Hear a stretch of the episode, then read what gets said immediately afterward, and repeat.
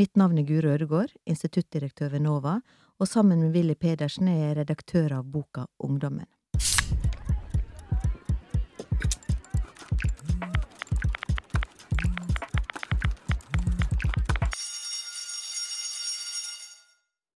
Muslimske ungdommer får kastet skjellsordet terrorist etter seg på gata. Men de tar til motmæle, og de lar seg ikke herse med. I dag har vi besøk av Asin Banafshe. Hun har bakgrunn fra Iran, men er vitenskapelig assistent ved Institutt for kriminologi og rettssosiologi ved Universitetet i Oslo. Velkommen, Asin. Takk. Asin, det har seg sånn at min slekt kommer fra Nord-Norge, og foreldrene mine kom til Oslo på 1950-tallet. De har fortalt at i avisen så sto det da ganske ofte hybel til leie, nordlendinger uønsket. Det var det ikke gøy å lese, selvfølgelig. Og da jeg for noen år siden begynte å studere i Tromsø, akkurat da universitetet åpnet, altså langt mot nord, der var det en god del samer som bodde i byen og i områdene rundt, og det var mye hets mot samene. Noen hermet etter måten samer snakket på. Dere har altså vært opptatt av hets mot muslimer. Tror du det kan minne om det vi skal snakke om her? Altså hets mot nordlendinger og samer, sånn som jeg opplevde fra mitt eget liv? Mm, jeg tror man kan trekke likhetstegn der. Er man annerledes, er man den andre, ser man annerledes ut, snakker man annerledes, så tror jeg folk vil oppleve hets, altså. Mm. Mm. Tittelen på artikkelen deres er jo 'Jævla terrorist'. Det ser altså ut til at det er en slags påstand i denne tittelen om at muslimske ungdommer faktisk etter denne eh, typen henvendelser. En påstand om at de kan være terrorister. Skjer dette virkelig, eller er hetsen mer indirekte og skjult, vil du si? Um, Tittelen syns jeg snakker godt for seg, fordi man skal ikke legge skjul på at det skjer. Fordi ungdommene forteller om hendelser der det faktisk skjer. Og eh, altså hvor jævla muslim eller jævla terrorist eh, blir sagt. Men så er det samtidig den mer subtile og den indirekte Den som er på en måte vanskelig å peke på, og den som er vanskelig å ta på, som oppleves mest ubehagelig, da. eh, for mange. Um, for den Man sitter ofte igjen og tenker sånn Hva skjedde egentlig nå? Det var noe litt sånn giftig ekkelt i situasjonen, og så fikk du ikke helt grep om hva det var, men, Mm. eh, men du følte at dette var ja, ubehagelig fiendtlig, altså. Ja. Ja. Um, I artikkelen så deler dere jo hetsen inn i en slags uh, hovedgrupper, særlig tre skjellsord, nedlatende kommentarer og fiendtlig kroppsspråk. Kan du prøve å dra oss litt gjennom noen eksempler på disse tingene? Ja, skjellsord det kommer jo ofte fra fremmede, om det er noen de møter på i heisen, på trikken, på T-banen. Eh, vi har jo Anton her som prøver å uh, rekke heisen, så er det en dame som uh, trykker på uh, lukke døra-knappen så mye som hun kan. Og Anton blir litt sånn irritert, da. Hva faen gjør du, har du ikke respekt for mennesker? Jeg prøver å rekke heisen. Da sier hun ja, men du er en jævla muslim, kom deg tilbake til det jævla landet, jeg vil ikke ha noe med deg å gjøre. Dette var tilsynelatende en helt vanlig dame, altså? Ja. Det var det. ganske, Ganske sterkt, altså. Mm. Ja. Fiendtlig kroppsspråk, har du noen eksempler på det, eller? Ja, det er jo mange som opplever um, eh, Altså at man får litt blikk, og at man møter folk som er litt eh, skeptiske, enten også om det er på kollektivtransporten eller ute i eh, Ja, ute. Em, og eh, Fatima, hun forteller at Beskrev hvordan på en måte blikk og det fiendtlige kroppsspråket gjorde at hun følte seg utelukket fra samfunnet. Eh, og så hun sier sånn 'Jeg er muslim, ikke sant, og har lang kjole og lang hijab'. Noen ganger møter jeg norske som ser på meg dårlig eller stygt. Mm. Ja, så det er eh, ekle blikk da av folk på bussen.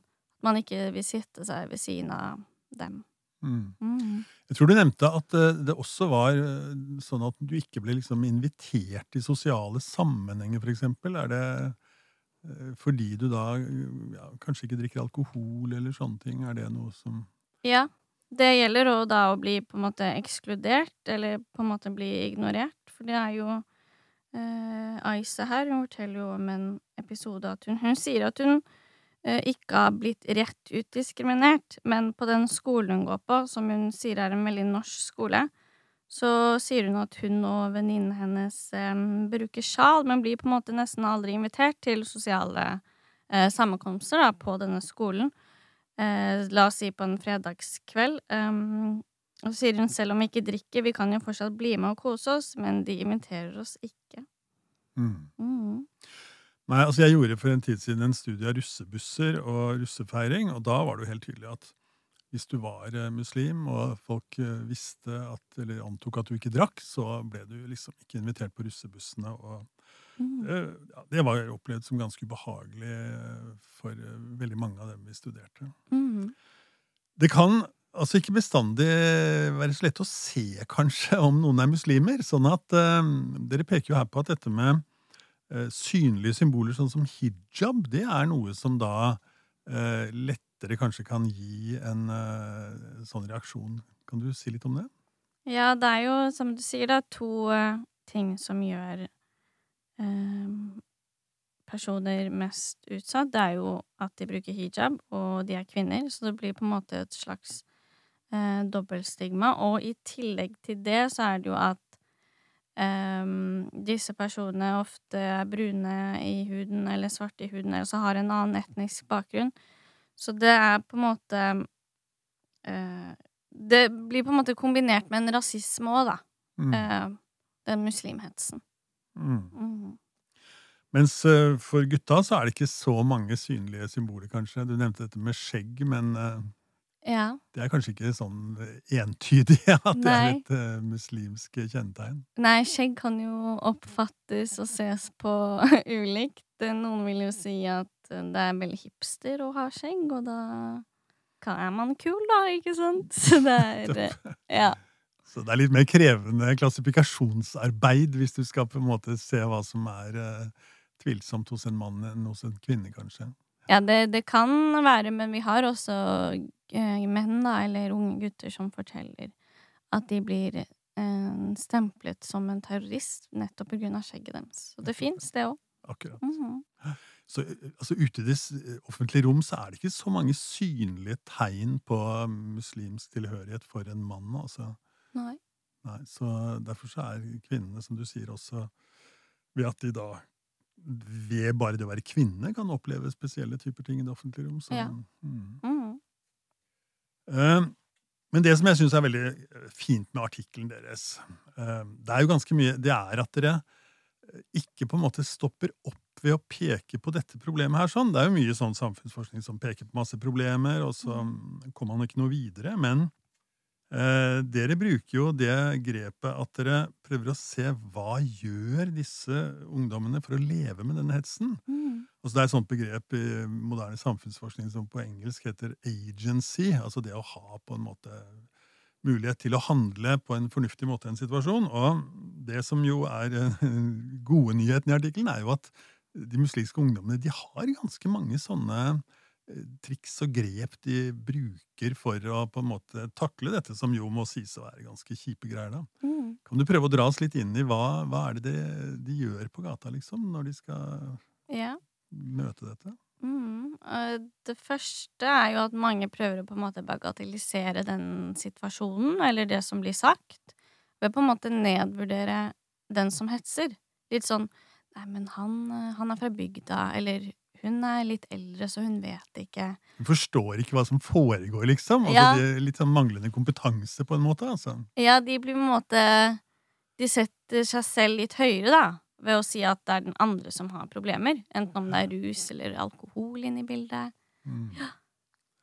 Så det er det første grepet. Det, det høres jo ganske effektivt ut, da, for da kan du bli litt sånn ja, overbærende, kanskje. Ja, for vi har jo en som sier at ja, det med hets, det gjør meg til et offer.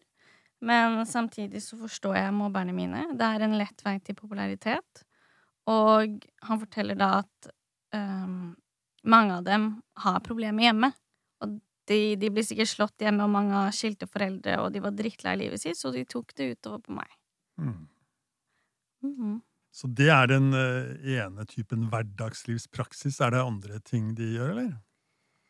Ja, vi har at eh, den her er litt annerledes enn den første. De, de på en måte uh, Istedenfor å trekke seg tilbake, så står de i det. De med åpenhet og diskusjon. Litt for å kanskje snu litt på stigma, da. Uh, kanskje noen føler at de må stå i det for å få en annen til å tenke litt mer positivt. Og ja, at man håndterer den hetsen ved å være litt mer imøtekommende og vise forståelse, da. Ja. En diskusjon, på en måte. Altså hva, hva mener du egentlig er grunnen til at det er noe gærent å være muslim? Eh, altså et eller annet sånt? Ja, det er jo um, Asma, da, hun forteller at hun møtte en gammel dame som var svært negativ til muslimer. Hun var på en måte litt redd muslimer, da. Og da sier eh, Asma at hun satte seg ned og prøvde å høre litt på henne, og hva som gjør at hun er livredd muslimer. Så hadde de på en måte en dialog der, da. Mm. Har du følelsen av at hun eh, klarte å gi noen begrunnelser for det, denne gamle dama, eller? Eh, ja, det tror og håper jeg at hun gjorde, i hvert fall. Mm. Ok, Dere peker jo i denne artikkelen på at muslimer ofte får én av to roller.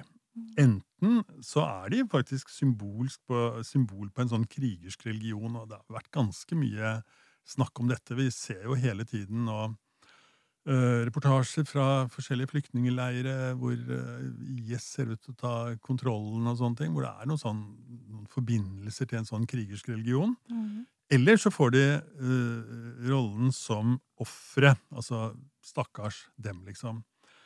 Det dere gjør, er jo at dere viser en slags tredje rolle. Aktive og engasjerte ungdommer som eh, står på, sier fra og ikke uten videre lar seg mobbe og herse med. Jeg syns jo det er ganske kult for min del altså at eh, forskere klarer å se denne kompleksiteten i situasjonen og komme med et så positivt budskap. Hva, hva tenker du selv? Var ikke dette litt eh, eh, bra grep i artikkelen, liksom? Jo, jeg er veldig enig. Eh, håpet er jo å få et eh, mer nyansert bilde av eh, muslimer, da, og at eh, At man på en måte ikke aksepterer stigma, og at man, eh, man gjør motstand selv. Og, men samtidig så er jo muslimhets og muslim eh, Ja, muslimhets er jo et stort samfunnsproblem, så muslimer på en måte individuelt kan ikke ta det hele og store ansvaret. Men jeg tror for en selv, en, en muslim, så vil det på en måte kanskje gi en sånn indre ro ved at man en, eh, Ja, eh, indre ro at man har klart å stå imot noe sånt, da. Ja, og så er det jo sånn at når dere skriver om det og forsker på det, og kanskje skriver kronikker, og vi snakker om det i podkast, så blir jo dette også en del av den fortellingen om dette som etter hvert lever der ute. Både at det fins ganske mye sånn hets. Det er jo veldig stygg, den tittelen på eh, Mm. artikkelen deres. 'Jævla terrorist'. Mm. Eh, Men at det også da er en fortelling om muslim, muslimske ungdommer som da er i stand til å møte disse tingene og ta saken i egen hånd. Så jeg vil jo tro at dette er en type anvendt forskning som kan være ganske bra og viktig. Eller så var det altså sånn at mine foreldre kom fra Nord-Norge, som jeg sa, og hadde litt trøbbel med å faktisk få et sted å bo her i Oslo på 1950-tallet. Men eh, de eh, fikk seg et sted å bo, da, og de fikk seg jobber, og det som man sier i Nord-Norge, de sto han av. Mm. Eh, og det har gått riktig bra med dem, egentlig. Men eh, jeg vil jo si at eh, kanskje ser vi at det går, da, for de ungdommene som klarer å bruke de strategiene dere beskriver her, sånn, eh, så går det kanskje litt bedre enn om de ikke hadde klart det. Så jeg syns dette var en eh, flott artikkel, et veldig fint budskap, og tusen takk for at du kom hit til oss, Asin. Tusen takk for at jeg ville komme.